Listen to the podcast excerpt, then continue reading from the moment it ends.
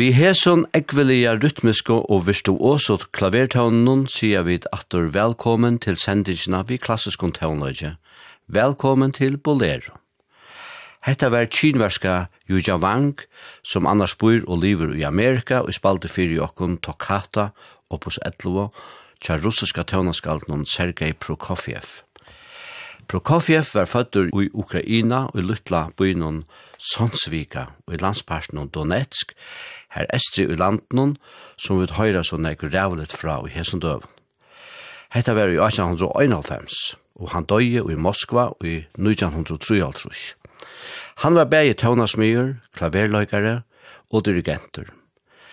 Som dit hørte her, i måte i enda noen, at det ble klappa, så var hetta jo ein live opptøka fra Caracas i Venezuela i 2013. Og vi talte fram i tøvnløyja Sergei Prokofiev.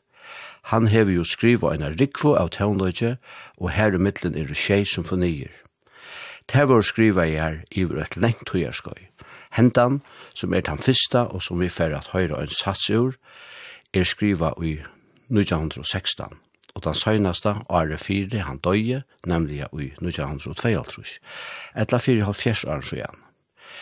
Prokofjev kallar i sjolvur hesa fyrste symfonisyna fyrir den klassiska, orsaka er at hon er skriva i stylen tja heiden og Mozart. Hauast vi sjolvandi høyra at her korsene er større moner av ljømynd. Vi fer her at lusta etter orkestrenon, og vi nevner seg Chamber Orchestra of Europe, under løslo av Claudio Abbado.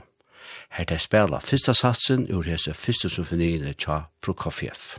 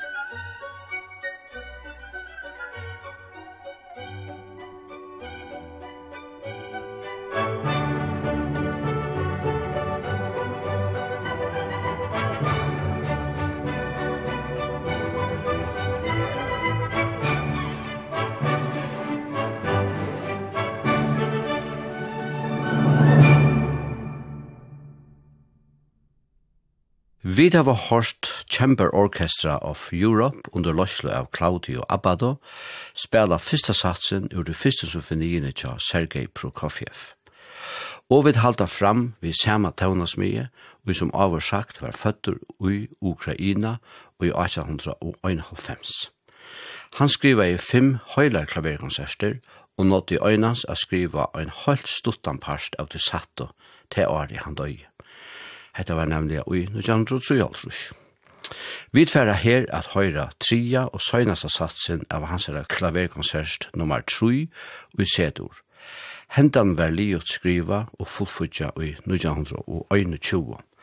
Der fyrste skitsenar til hetta versk var langt og nye feltar opp blæ, og i 1913, så sies kan av sonnen at her hever tøvnasmyren haft eina roma omhoksnartøy. Vi tverra som sagt her at høyra tria og søgnasta satsen, og Prokofjev kallar i sjolvor hendan satsen fyrir jo tjekk mittlen solisten og orkestre. Og i mun til tøvnløgjen vi høyrdu her framan undan, så høyra vi tøyelige at tøvnamalet er et anna og møyra moderna. Det er Eugenie Kissen, og i her spiller klaver saman vi Berliner symfonikaren under løslo av Claudio Abbado.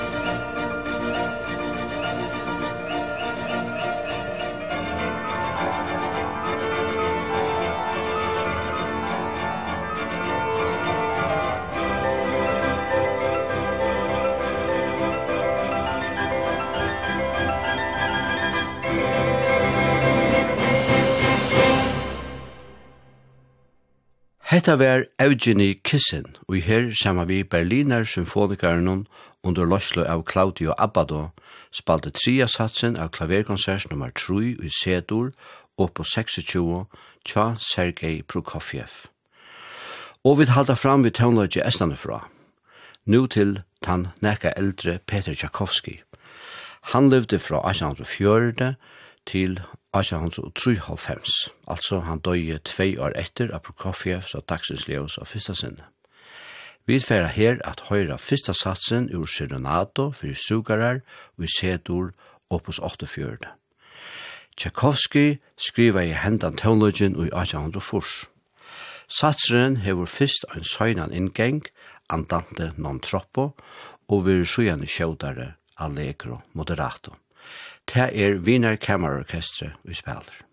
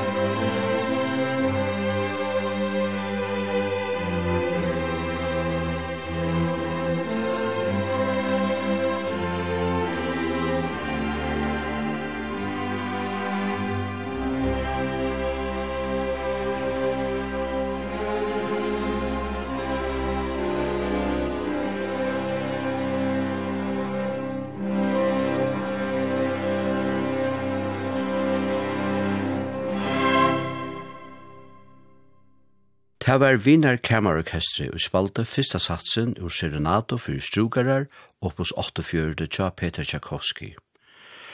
Og fra Tchaikovsky færa vid iver til Johannes Brahms. Han var tjei år eldre enn Tchaikovsky, fødder i Hamburg i Tysklande og i 1833, og døy i Wien i 1825. Her er vi døysene ut til såkallega romantiska tøyarskøyden. Det halte jeg verilig høyrest i versjonen jeg har valgt å spela fyrir til nu. Vi tver at høyra sonato fyrir violin og klaver nummer 2 i Ator, opus 100. Hon er skriva i Sveits og i 1806. Og i hesson ekvelia lyriska versjonen nøyder tøvnasmyren tilfær ur sjongkon han sjolvor avur hefur skriva. Satsner er i trutjere tale, og vi færre høyra tar atlar her. Det er griske violinløykaren Leonidas Kavakos og spiller sammen vi Juja Vang vi klaveret.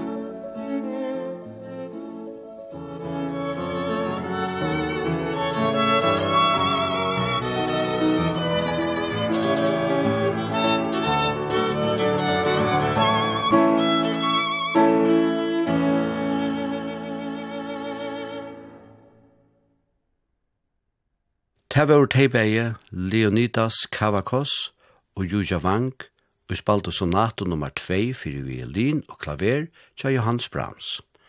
Og Arjen vi færa iver atter til Brahms og slipper at enda sendingen i dag færa vi at lusta etter stutton leie etla vi kunne sagt Sanje etla Sanje utan år tja Felix Mendelssohn. Han skriva je jo hopens lykar fyrir klaver. Her høyra vi et arrangement fyrir klarinett og violin. Det er Andreas Ottensamer, og spiller klarinett, som Øysni hever arrangera. Vi klavere sitter atur Jujavank. Thank.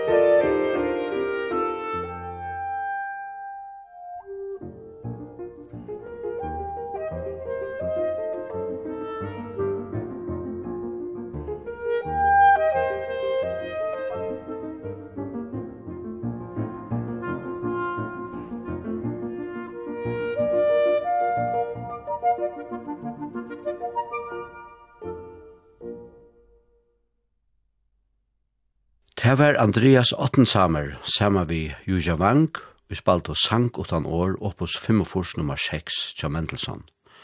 Og her vi er vi kommet fram til endan av sendingen i dag, og øysne sendingen henda malein. I november var det Urt Johannesen og sitter i utvarpstående. Vi tverre at enda vi Johannes Brahms, og hetta er ivalest til fra hans herre hånd, og er mest kjent mellom opprunelig en sanker ved tekste, og en vøkkevisa Vigenlid. Her spalt av violin og klaver, og til er og teibeie Leonidas Kavakos, violin, og Juja Wang, klaver som spela. I morgen er vel, og tog vi henta sendingen ikkje endur send i anna kvöld, som vandet annars er. Men innskjer to at lusta atter etter henne, kanst du gjøre til av. Tu fyrst du bare inn av heimasynet til kringvarpnum kvf.fo framskak bolero. Her finner du henne. Teknikar i det var Kari Annanberg og i øyde egen av lesene. Sendingen var atur kommande sundag. Takk for at du lytte av. Thank you.